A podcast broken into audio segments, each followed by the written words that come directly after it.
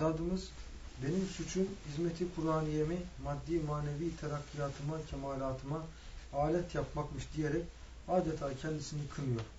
Üstadın bu söz ve yaklaşımını nasıl anlamalıyız? Onun bu sözlerinde kendi muhasebesinin ve arkadakilerine ders vermesinin payı ne kadardır? Bu Kur'an ve sünnet açısından bir mümin için çok önemli bir düşünce tarzıdır, bir telakkidir. Kendiyle yüzleşme mevzuunda önemli bir husustur. Bunu keşfeden insan zannediyorum farklı hadiselere maruz kalsa da her şeyi evirir, çevirir, bunun üzerinde yorumlar. Kendi ülkende sen bir sürgüne maruz kalabilirsin, tecrid edilebilirsin, hapishanelerde sana yer hazırlanabilir, mahkeme mahkeme dolaştırılabilirsin, vatandaşlık haklarından mahrum edilebilirsin, vicdan hürriyeti adına preslenirsin, ezilebilirsin. O mülahaza içinde bu durumların hepsine birer cevap bulabilirsin.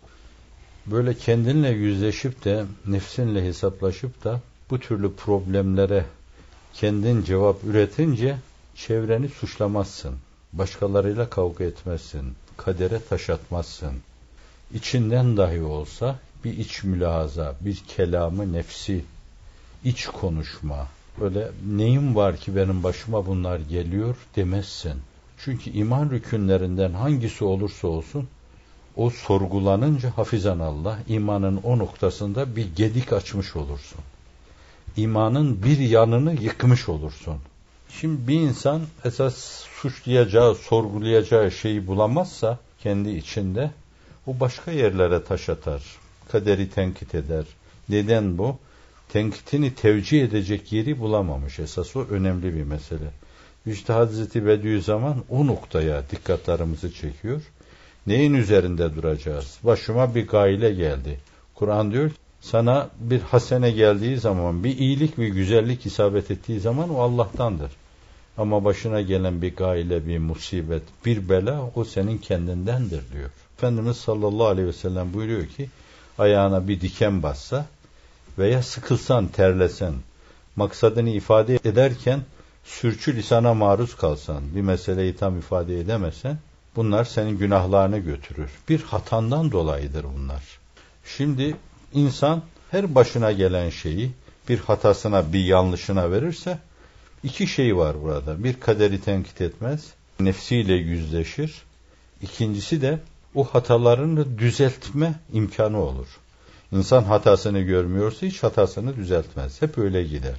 Hep hatalarını sevap gibi görür. Şimdi Hz. Bediüzzaman burada kamil bir insan olarak başına onca şey gelmiş. Kendi sözü içinde 28 senedir çekmediğim eza görmediğim defa kalmadı. Divanı harflerde bir cani gibi muamele gördüm. Bir serseri gibi memleket memleket sürgüne gönderildim. Şimdi bu evsaflardan hiçbiri onun semti nasutiyetine sokulamaz. Aylarca ihtilatta men edildim. Zaman geldi ki hayattan ziyade ölümü tercih ettim. Hatta bir yerde hiçbirimizin demeye cesaret edemeyeceği bir şeyi söylüyor. Eğer dinim beni intihardan men etmeseydi, bugün sait topraklar altında çürüyüp gitmişti diyor. Dini bir hata değil ama demek orada önemli bir mesele. Din intihardan men ediyor. Demek öyle tahammül fersa şeylere maruz kalıyor ki, kış gününde penceresi açık, kokudan içeriye girilmeyen bir helada tecrid ediliyor. Birinin hizmet etmesine imkan verilmiyor. Hapishaneye koyuyorlar bir ceza.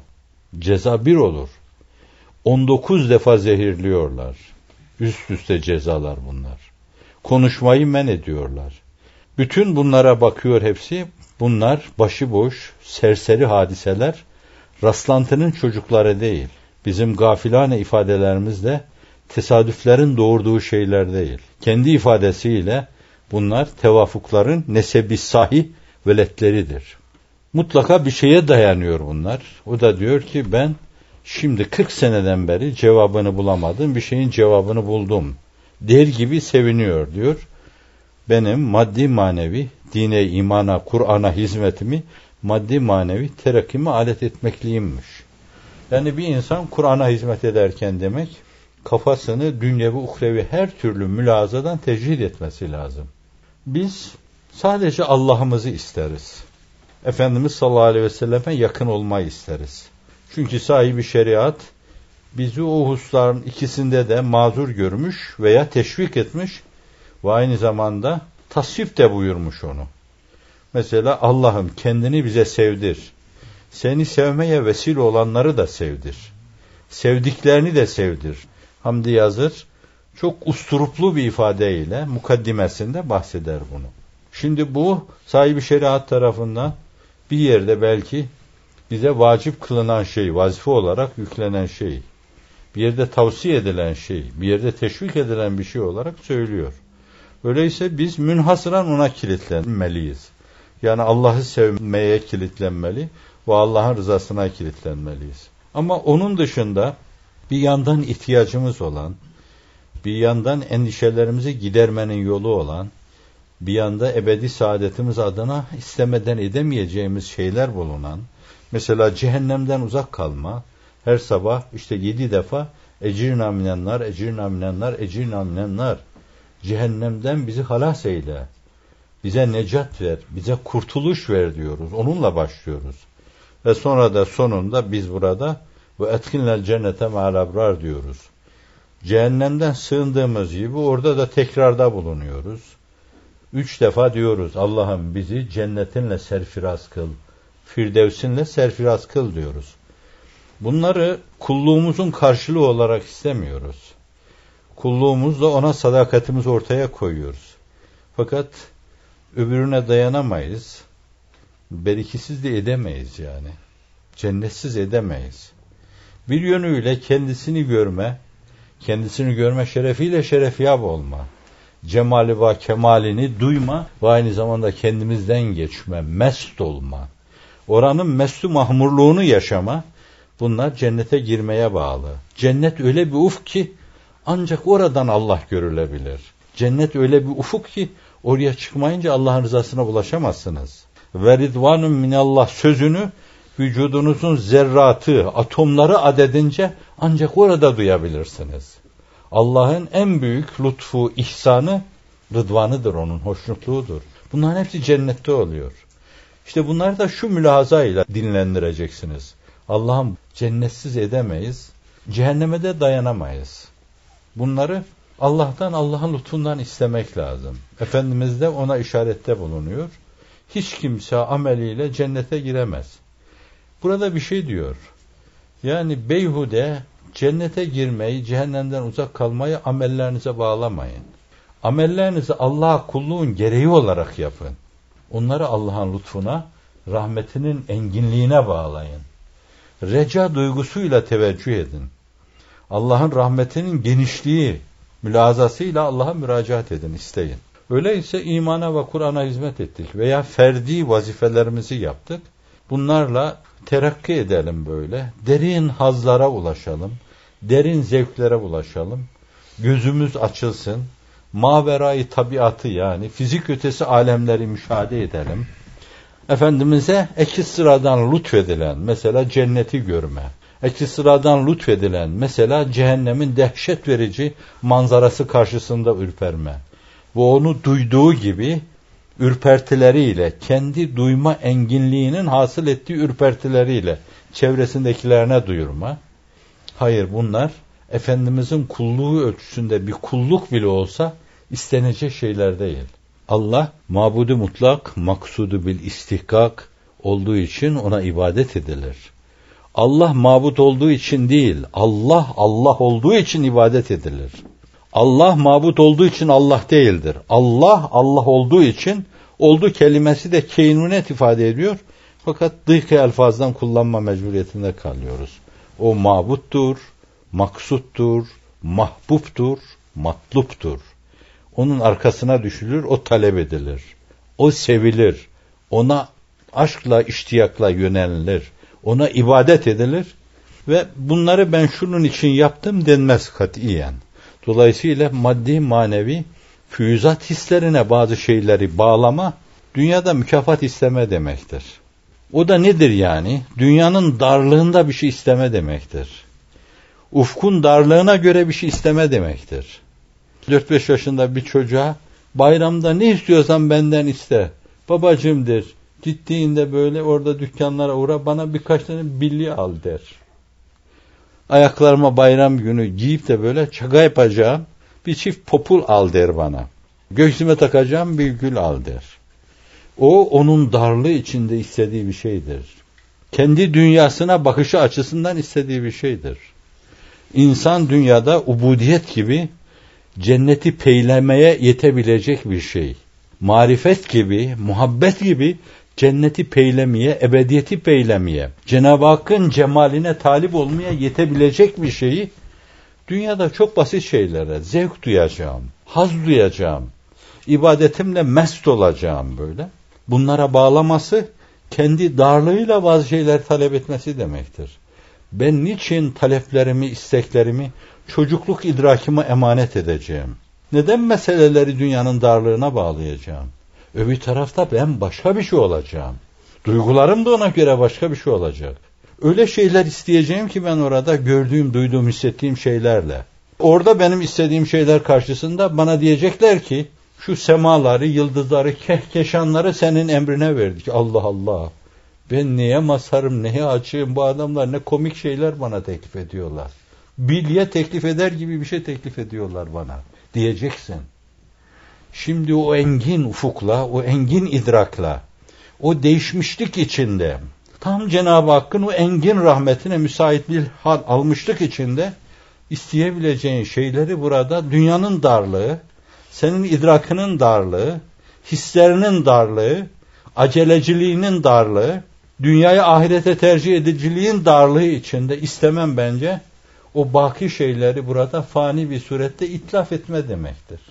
Hazreti Bediüzzaman bu espriye dikkati çekiyor. Ben dine, imana hizmetimi maddi manevi terakkiyatıma alet etmekliyimmiş. Demek o mevzuda müstahni kalmam lazımdı diyor. İkinci mesele Bediüzzaman öyle miydi? Ben öyle olacağını hiç ihtimal vermiyorum. Çünkü çok nezih doğmuş.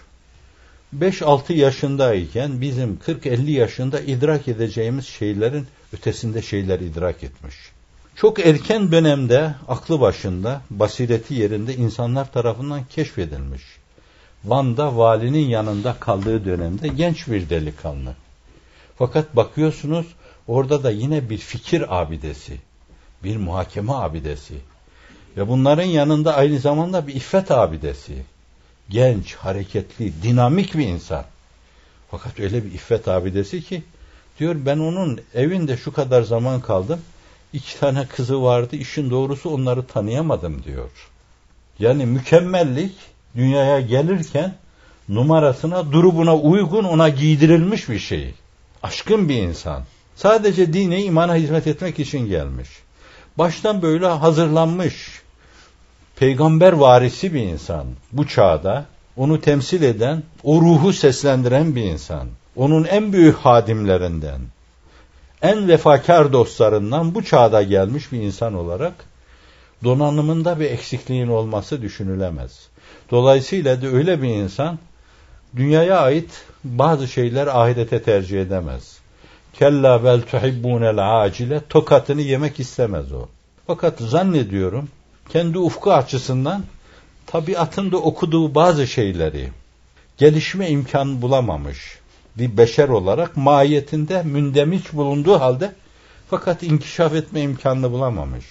Onun iradesinin hakkını vererek baskı altına aldığı böyle görünme hissi, peşin zevkini alma hissi, füyüzat hislerinden istifade etme hissi, o duygular içinde mündemiş görmüş onları.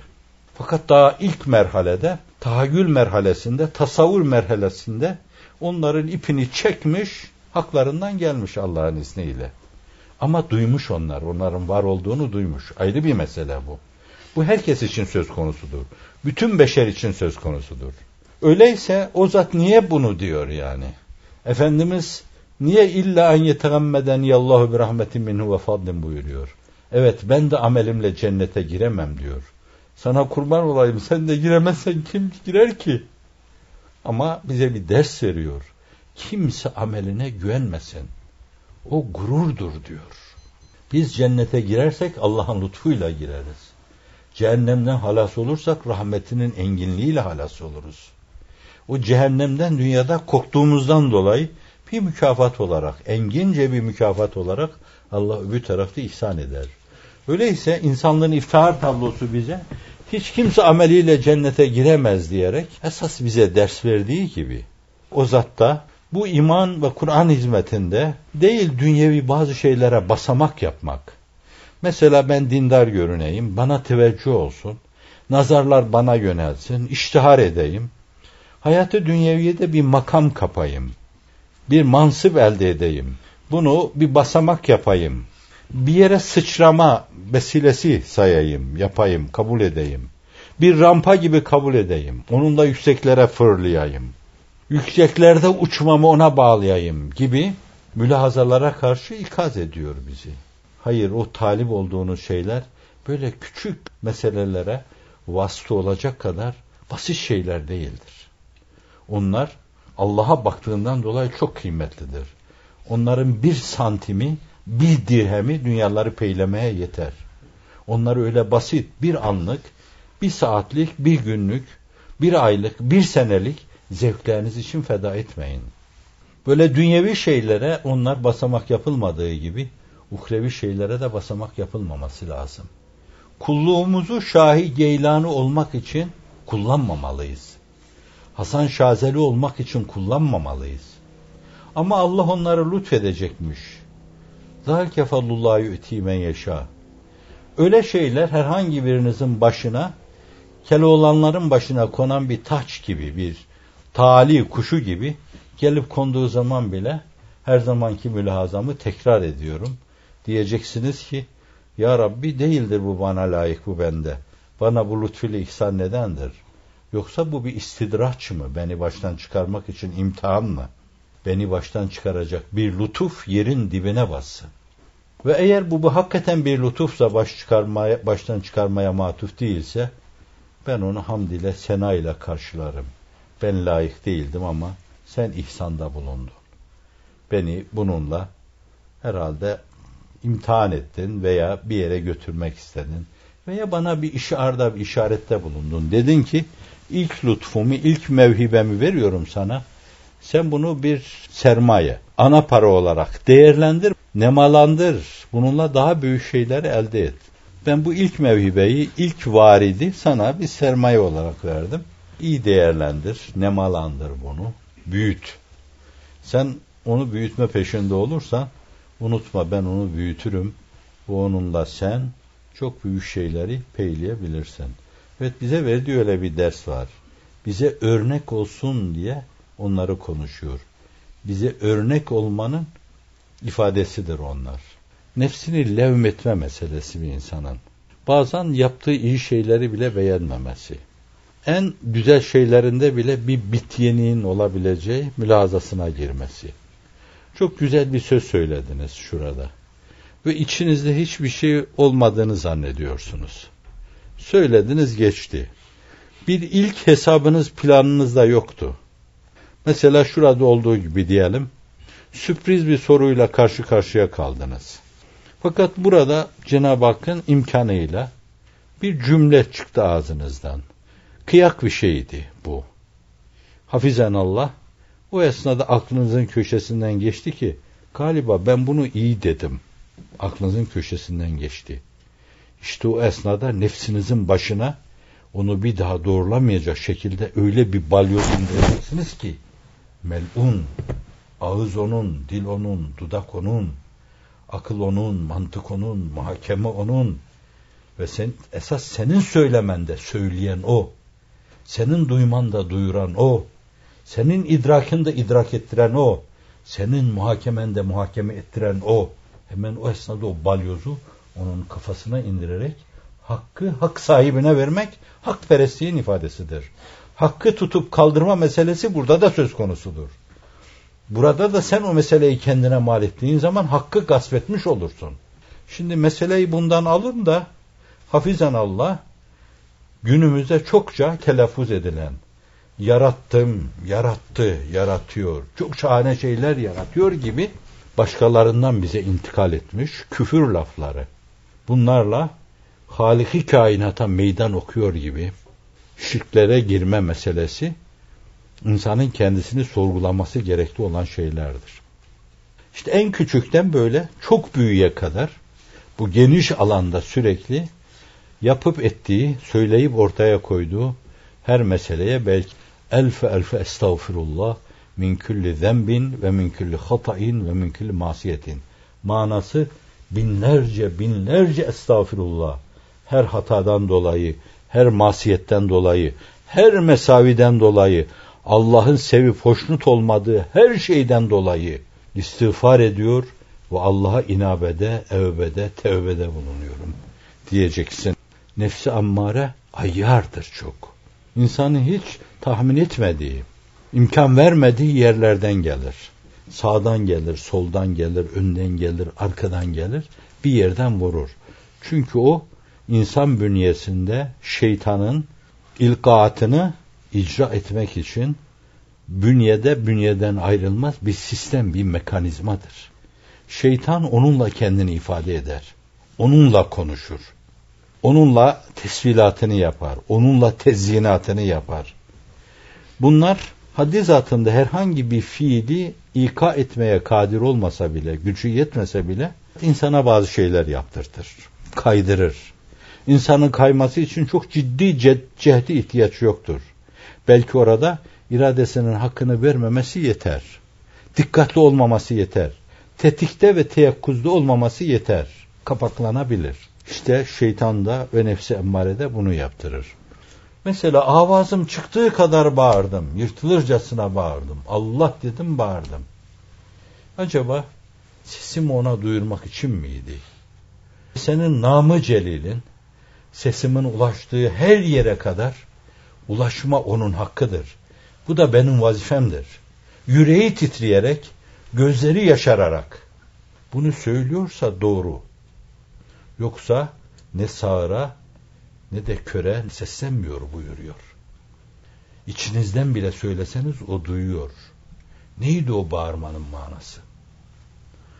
Şimdi her yerde kendini kontrol etme, yaptığı en güzel işlerde bile bir bit yeniği olabileceği mülazasını taşıma. Onun için diyor ki cephede ilk defa öldü, cehenneme yuvarlandı. Ve öbür tarafta Allah'a mülakı olunca ben senin yolunda cihad ederken ilahi kelimetullah için öldüm. Hayır, halk cesur desin diye, ne civan mert desin diye öldü. Mükafatını aldın dediler. Bakın kendi darlığına bağlamışsın onu. Allah'ın rahmetinin enginliğine, rıdanın tüllenmesine göre sana vereceği şeylere, şeyler açısından çok dar bir şeye bağlamışsın onu. Ve yine diyor ki servetimi verdim ben burada. Döküldüm, saçıldım. Cüzdanımı açtım, döktüm. içinde hiçbir şey kalmadan. Ben bunu senin için yaptım. Hayır, sen benim için yapmadın. Halk sana ne cömert, ne civan mert insan desin diye yaptın. Ve dediler. Oysa ki sen o kesenden döktüğün şeylerle cenneti yedi tabakasıyla peyleyebilirdin. Ve Firdevs'e fırlayabilirdin bir rampaya binmiş gibi. Ama sen nedense darlığı tercih ettin. Kendi idrak darlığına emanet ettin her şeyi. Kendi istek darlığına emanet ettin her şeyi. Dünyevi görüş darlığına emanet ettin her şeyi. Ve bir darlık zedesin sen. Bir darlığın kurbanısın. Dolayısıyla cennete liyakat hakkını selbettin. Teveccühe bağlamışsın. Halkın nazarına bağlamışsın. İltifatlarına bağlamışsın. Gittiğin yerde sana kıyam etsinler. Acemlerin büyüklerine ayağa kalktığı gibi ayağa kalksınlar. Senin namından bahsetsinler. Tebcil etsinler. Bir yadı cemil olasın diye. Hafizen Allah. Bütün bunları buna bağlamışsa mükafatını almışsın. Alacağın şeyi burada almışsın ezhebtum tayyibatikum fi hayatikum dünya Kur'an diyor. Tayyibatınızın karşılığını güzel söz, güzel davranış, güzel işler mükafatını dünyada aldınız. Ahiretin baki şeylerini dünyada yiyip bitirdiniz diyor. Demek ki uhrevi şeylerin hiçbirisi burada hiçbir davranışa vesile olmamalı. Onlar onlara bağlanmamalı Her şey Allah'ın rızasına bağlanmalı. Allah sevgisine bağlanmalı. Ben bunları diyeyim, edeyim, yapayım, civanmetlik sergileyeyim, ölesiye koşayım, namımı duyurayım, dünyada bir şey elde edeyim. Bunlara bağladığınız zaman hizmetinizi hafizan Allah dünyanın darlığı içinde bütün kazançlarını yemiş bitirmiş olursunuz. Avam ifadesiyle ifade etmek aklıma geldi. Saygısız bulmazsanız öbür tarafta avucunuzu yalarsınız. Allah'ın kulları boyunları tasmalı hep hak kapısının önünde başları onun kapısının eşiğinde gözleri kapının aralanmasında ömürlerini hep öyle geçirmelidirler. Sağa sola bakmamalıdırlar. Allah kapısında böyle bir duruşa geçmiş insan zaten sağa sola bakmaz. Hatta dünyevi bir mahbubu olsa, bir Leyla'sı olsa, bir Azra'sı olsa, bir Şirin'i olsa, onun için dağları delmeye koyulmuş bir Ferhat, bir Mecnun, bir Vamık, sevdalısının peşinden koşarken zannediyorum sağa sola bakmaz. Onun izlerini takip eder. Koklar, izlerin arkasından koşar. İstidradi bir şey arz edeyim. El elden üzülmüş, yar elden gitmiş hümakayı zaman nanay oynarlar diyor Alvar İmamı. Bir kısım hümakayı zaman kalkmış diyorlar ki bu Müslümanlar dünya peşindeler. Dünya saltanatı peşindeler. Yok bilmem dünya hilafeti peşindeler. Ben hayatımda, dünyada bu kadar ahmakça bir iddiayla karşılaşmadım. İşin enteresan yanı bu ahmakların büyük çoğunluğu da Türkiye'de temerküz, tahaşşüd etmiş gibi bir halleri var.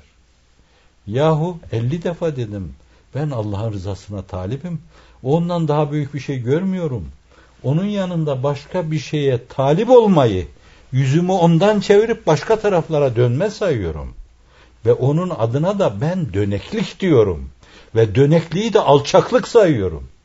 Fakat desem ol bir vefa bilmem inanır mı inanmaz mı? Füzuli'nin dediği gibi bilmiyorum ki akılsızlar hümekayı zaman inanır mı inanmaz mı? İnansalar da inanmasalar da ben inandığımı bin kere söylemişsem bundan sonra bin birincisini de söylemeye devam edeceğim. Allahümme inna neselükel huda ve tuqa vel afafe vel gina. Allahümme aleyke ve adaina kullihim fi kulli enha'il alem fi dahili memalikina ve fi hariciha. Allahümme aleyke bihim. Allahümme aleyke bihim. Allahümme aleyke bihim. La siyema el kafirin vel mülhidin vel mürteddin